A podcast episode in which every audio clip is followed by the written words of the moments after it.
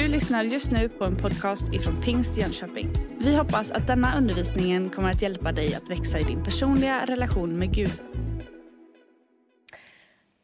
Ja, då har vi den stora förmånen att återigen få fira gudstjänst tillsammans och läsa Guds ord. Och under ett antal söndagar så har det handlat om att växa.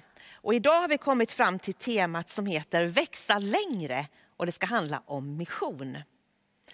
Vet du att sändning pågår?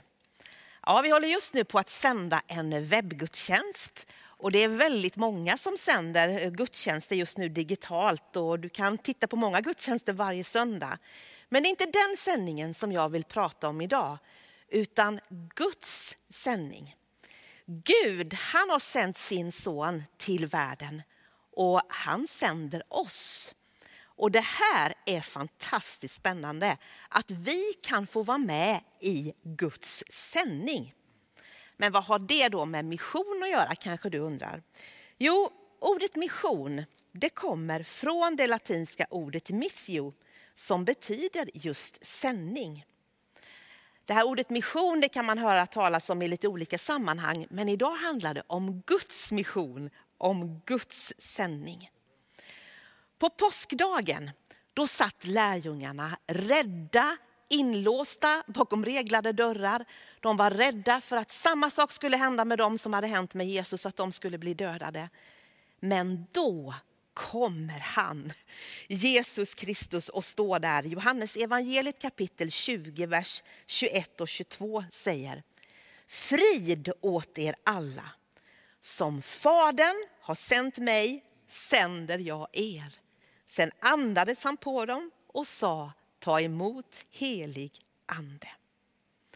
Och då var det som att rädsla och modlöshet fick bytas när fridsfursten kom in i rummet. Och de som satt där uppgivna och tänkte att allting var över, de fick plötsligt ett uppdrag att vara sända av Jesus själv.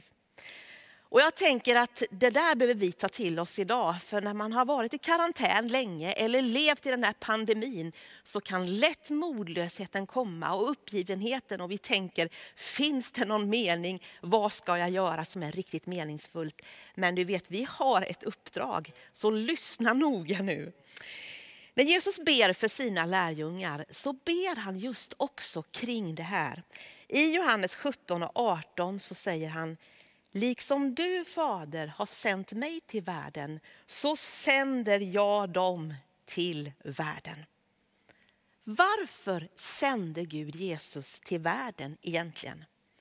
Jo, i Johannes 1 och 17 så kan vi läsa att Gud sände inte sin son till världen för att döma världen utan för att världen skulle räddas genom honom. Det där med att Gud är en dömande Gud, det stämmer inte när man läser Bibeln. Gud sände inte Jesus för att döma utan för att rädda. Och när vi sänds så är det inte för att döma utan för att komma med hopp och för att tala om för varenda människa på den här jorden att det finns en Gud som älskar med en evig kärlek. Att människan har ett okränkbart värde oavsett vem man är. Att inte en enda människa finns till på den här jorden som inte Gud ville skulle finnas till. Att Gud älskar varje människa och har en specifik plan, en uppgift för var och en. När Jesus kom och skulle börja sin offentliga tjänst här på jorden så började han med att ge en slags programförklaring. Och den kan vi läsa i Lukas, det fjärde kapitlet och artonde versen. Då säger Jesus så här. Herrens ande är över mig, ty han har smort mig att frambära ett glädjebud till de fattiga han har sänt mig att förkunna befrielse för de fångna, syn för de blinda och ge de förtryckta frihet och förkunna ett nådens år från Herren. Och det var det just det som Jesus gjorde när han kom. Han kom med ett glädjebud. Han kom med befrielse, han kom med syn, nya perspektiv, han kom med frihet och han kom med nåd. Och det är just det som vi är kallade att ge vidare till den här världen. Alla fyra evangelierna, Matteus, Markus, Lukas och Johannes, de avslutas med sändningsord och sen att Jesus lyfts upp till himlen. Och det mest kända av de här sändningsorden det är Matteus evangeliet kapitel 28 och det kallas just för missionsbefallningen. Och vi läser från 18 till 20 versen. Jesus sa, åt mig har getts all makt i himmelen och på jorden. Gå därför ut och gör alla folk till lärjungar. Döp dem i Faderns och Sonens och den helige Andes namn och lär dem att hålla alla de bud jag har gett er. Och jag är med er alla dagar till tidens slut. All sändning ifrån Jesus börjar med att först så kallas vi till honom. Vi kallas att följa honom. Jesus sa till sina lärjungar, kom och följ mig. Jag ska göra er till människofiskare. Och de hade följt Jesus under tre år. De hade lyssnat på hans undervisning, de hade sett honom göra olika under och tecken och hur han mötte människor. Och nu så blev de sända. Och Jesus lovade att han själv skulle vara med dem. Och han hade också lovat att han skulle sända sin ande för att de skulle få kraft. I Apostlagärningarna 1 och 8 så läser vi just de där orden där Jesus både talar om kraften och vart de skulle gå med det här budskapet. Apostlagärningarna 1 och 8. Ni ska få kraft när den helige ande kommer över er och ni ska vittna om mig i Jerusalem, i hela Judeen och Samarien och ända till jordens yttersta gräns. Och när han hade sagt detta såg de hur han lyftes upp i höjden och ett moln tog honom ur deras åsyn. Och på pingstdagen så kom den här kraften just som Jesus hade lovat, kraften att vittna. Det var ingenting som de sprang iväg och gjorde i egen kraft utan de väntade och så kom den helige ande och fyllde dem och då var det slut med det där att sitta inom stängda dörrar av rädsla. Det var som att de fick ett nytt mod, en frimodighet. Det bara på något sätt skedde av sig själv. De kunde inte låta bli att berätta vad de hade sett och hört. Och på kort tid så spred sig budskapet om Jesus till hela den då kända världen. Det var inte enkelt alltid, motståndet det var hårt. Det var stark förföljelse mot de första kristna. Men kanske tack vare det så spreds de ut över stora delar av världen och evangeliet gick vidare. En av dem som var den största motståndaren, som riktigt andades mod och eh, ja, han var hotfull, fängslade de kristna, dödade de kristna gjorde en stark upplevelse av Jesus Kristus.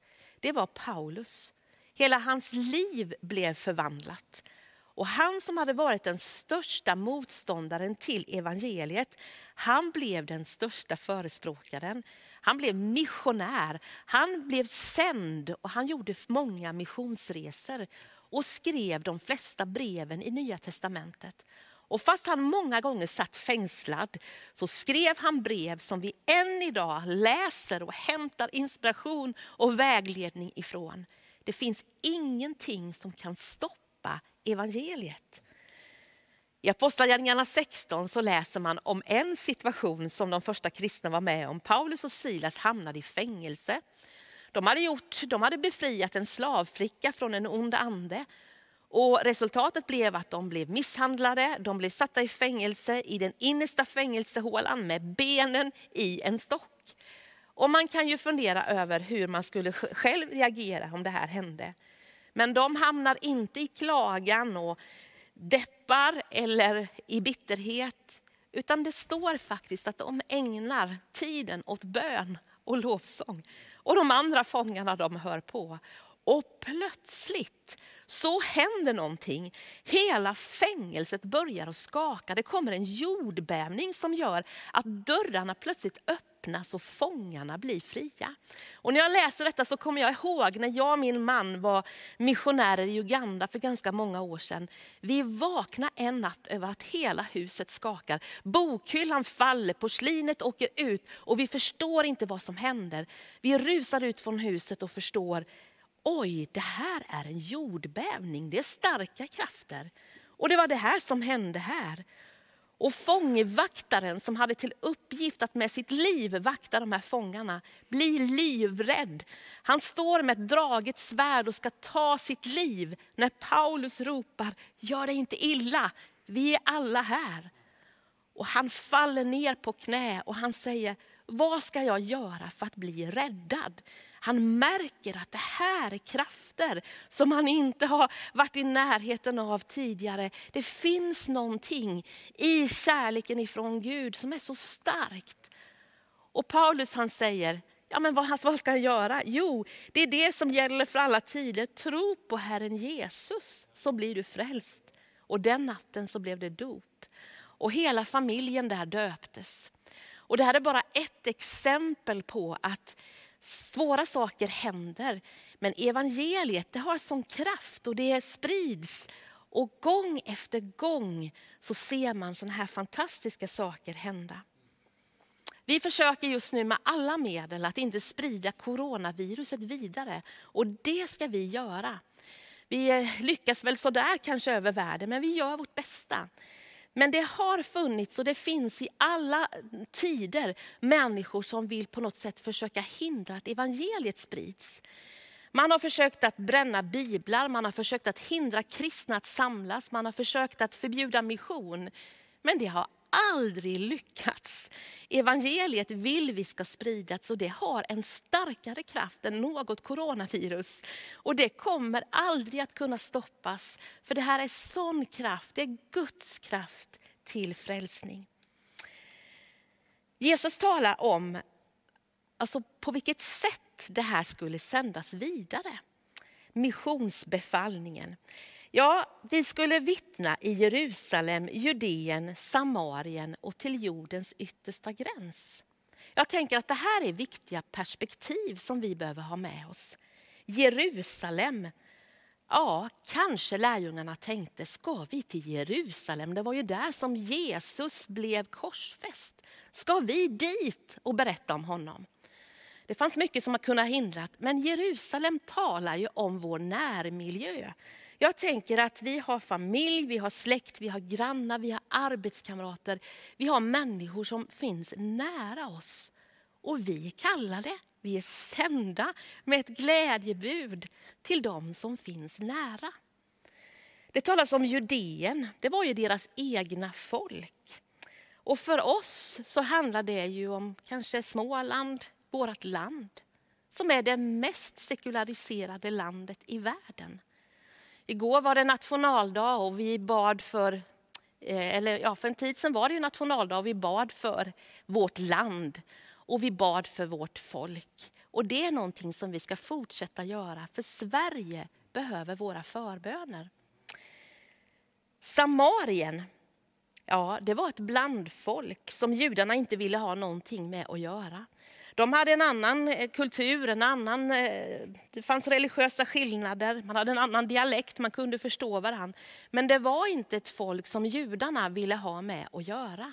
Därför är det så intressant att Jesus han spränger de där gränserna. I Johannes 4 så läser man om att Jesus han måste gå genom Samarien.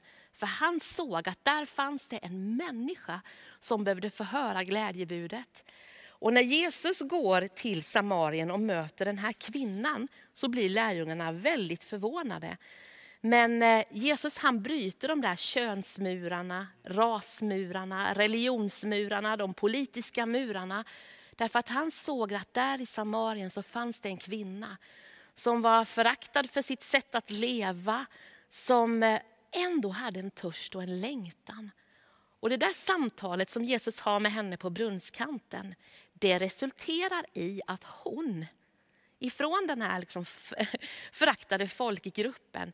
Hon går in i sin stad och hon berättar att jag har mött en man som har sagt mig allt, kan han vara Messias? Och hela den staden kommer i rörelse därför att Jesus gick till Samarien och gav det här budskapet. Så kommer hela staden i rörelse. Tala om mission.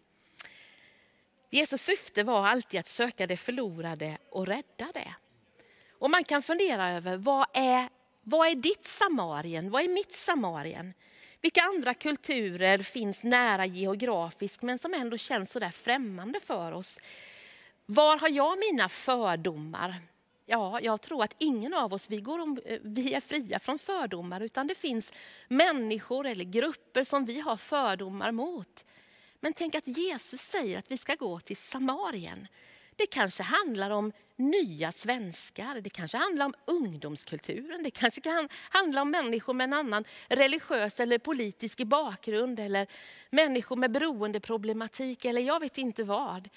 Men jag är så tacksam över att Gud på, på olika sätt har väckt mig och sagt liksom, Katrin, ser du de här människorna med, som kommer från andra länder, som har en annan bakgrund? Ja, men jag känner mig lite trevande och främmande.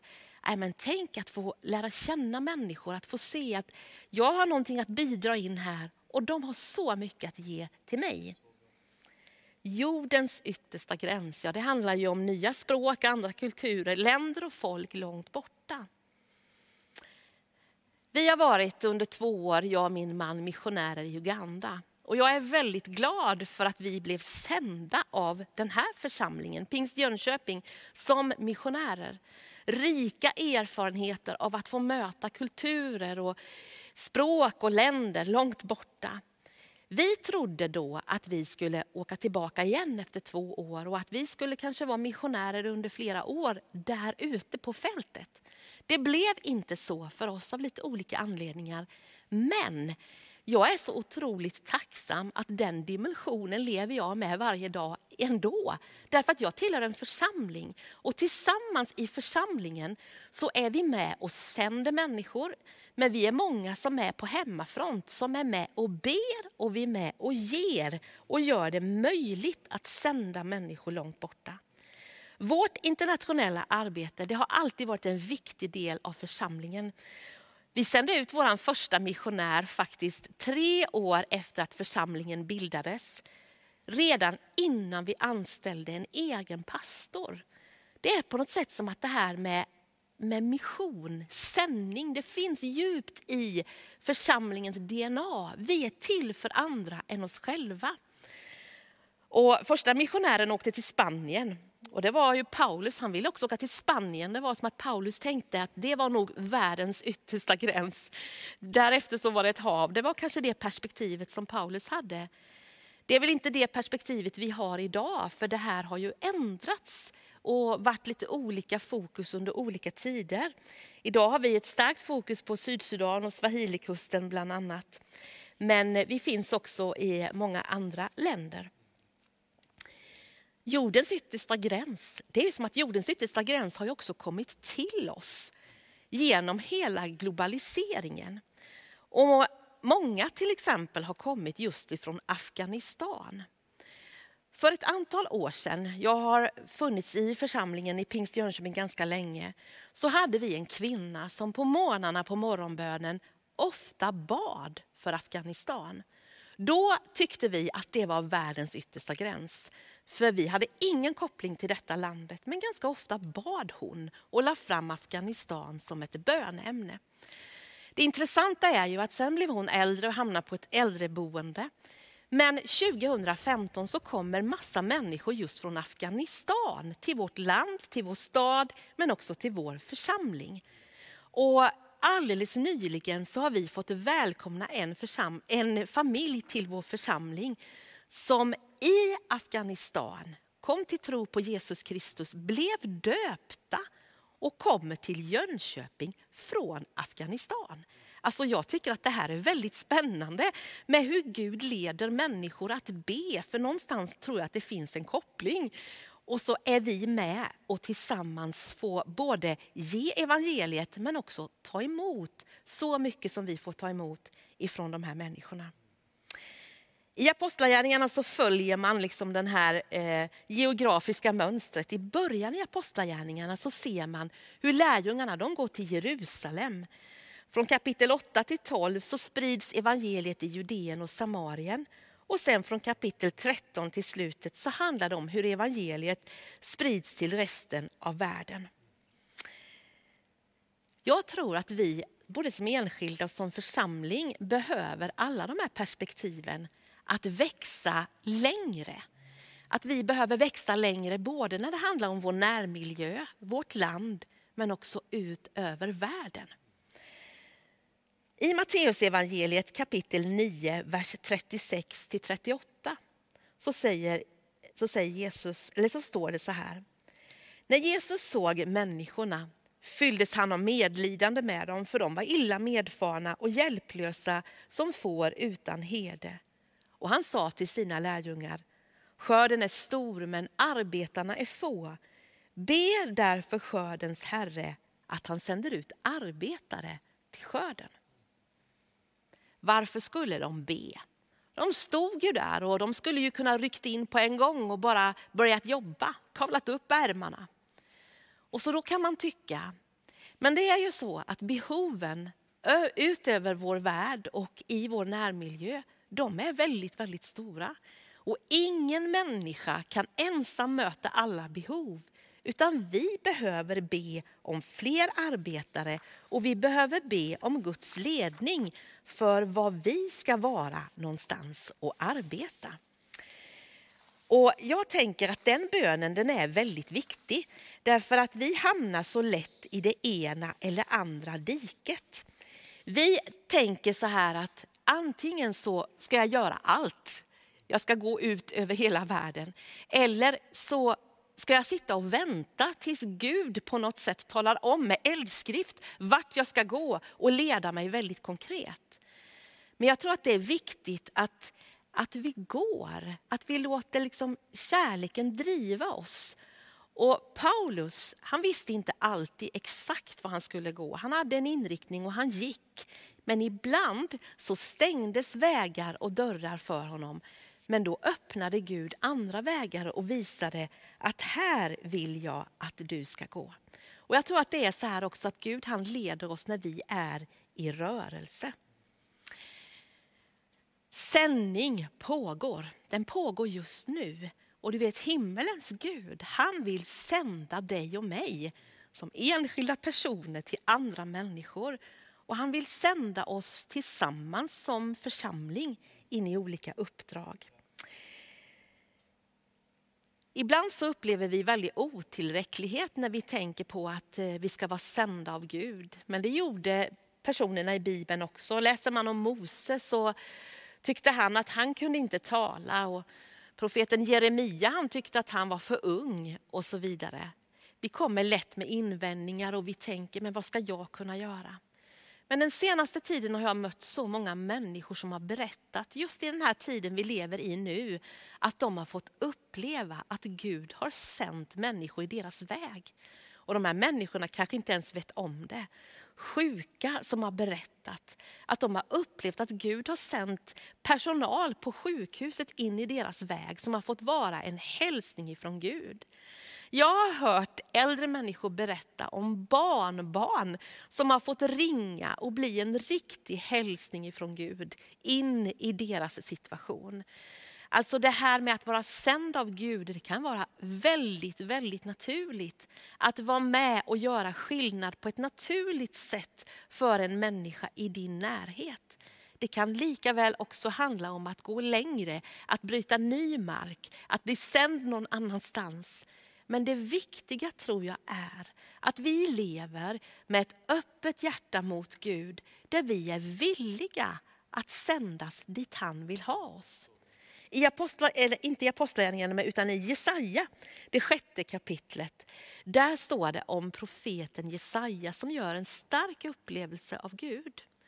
Och när han ser Guds helighet så ser han sin egen otillräcklighet. Han ber om förlåtelse för sina och folkets synder. Och så kommer Guds kallelse till honom. Då säger Gud, vem ska jag sända? Och vem vill vara vår budbärare? Och då säger Jesaja, här är jag, sänd mig. Och jag älskar det där svaret. Och jag tänker att om vi känner himmelens Gud, om vi känner Jesus Kristus, då behöver vi inte vara så rädda. Utan han som har skapat våra liv, han är också den som sänder oss. Så vi kan vara med och ge som gåva det vi har fått som gåva. Att bli sänd, att vara överlåten till Jesus, det kan handla om att om Jesus vill att jag ska resa långt bort, ja men då vill jag resa. Om han vill att jag ska stanna kvar här, ja men då ska jag stanna kvar. Att på något sätt ha den här öppenheten att Gud, här är jag, sänd mig dit du vill ha mig. Det där är väldigt spännande. Att få vakna på morgonen, att få be en bön. Herre, till vem vill du sända mig idag? För oss alla så vill Gud hjälpa oss att växa längre. Om det så är att växa bland de nära relationerna eller bland de relationerna långt borta. Han har mer för oss var och en. Men det börjar alltid med detta. Kom till mig. Och därför nu när vi går in mot landning i den här predikan så skulle jag vilja utmana dig och inbjuda dig som kanske aldrig tidigare har faktiskt sagt ja till Jesus kallelse att följa honom. Att bli ett Guds barn, att bli frälst. Det är det första han säger, kom till mig. Och det är ett beslut som är det viktigaste beslutet i hela livet. Och du gör det genom en enkel bön där du bjuder in Jesus i ditt liv. Där du bara säger Jesus, jag vill följa dig. Jag vill tro på dig. Förlåt mig mina synder. Jag vill ge dig mitt liv. Och när du har bett den bönen, då är du också med i detta att han vill sända dig. Du behöver inte vara en perfekt människa, utan du, så ny som du är i din tro, kan få bli sänd med det här glädjebudskapet till andra människor. Så låt oss be tillsammans. Och där kan du ta emot Jesus, men du kan också göra din överlåtelse till att faktiskt säga Herre, här är jag, sänd mig. Jesus, jag tackar dig för att du är nära varenda person som eh, finns med oss på den här webbgudstjänsten just nu. Du vet vad som pågår i våra liv. Och jag tackar dig för att du just nu förlåter synder. Tack för att du renar ifrån orättfärdighet. Och jag tackar dig för människor som just nu tar emot dig till frälsning. Och jag tackar dig Jesus Kristus för att vi får vara med i det som är ditt verk Jesus. Tack att du vill sända oss till de som är nära och de som är långt borta. Och jag ber Herre att vi ska få leva våra liv öppna så att evangeliet om dig få gå ut över världen till dem som du har gett ditt liv för. Jag tackar dig för det. I Jesu namn. Amen. Du har just lyssnat på en podcast ifrån Pingst Jönköping. För att få reda på mer om vilka vi är och vad som händer i vår kyrka så kan du gå in på pingstjonkoping.se eller följa oss på sociala medier via pingstjkpg.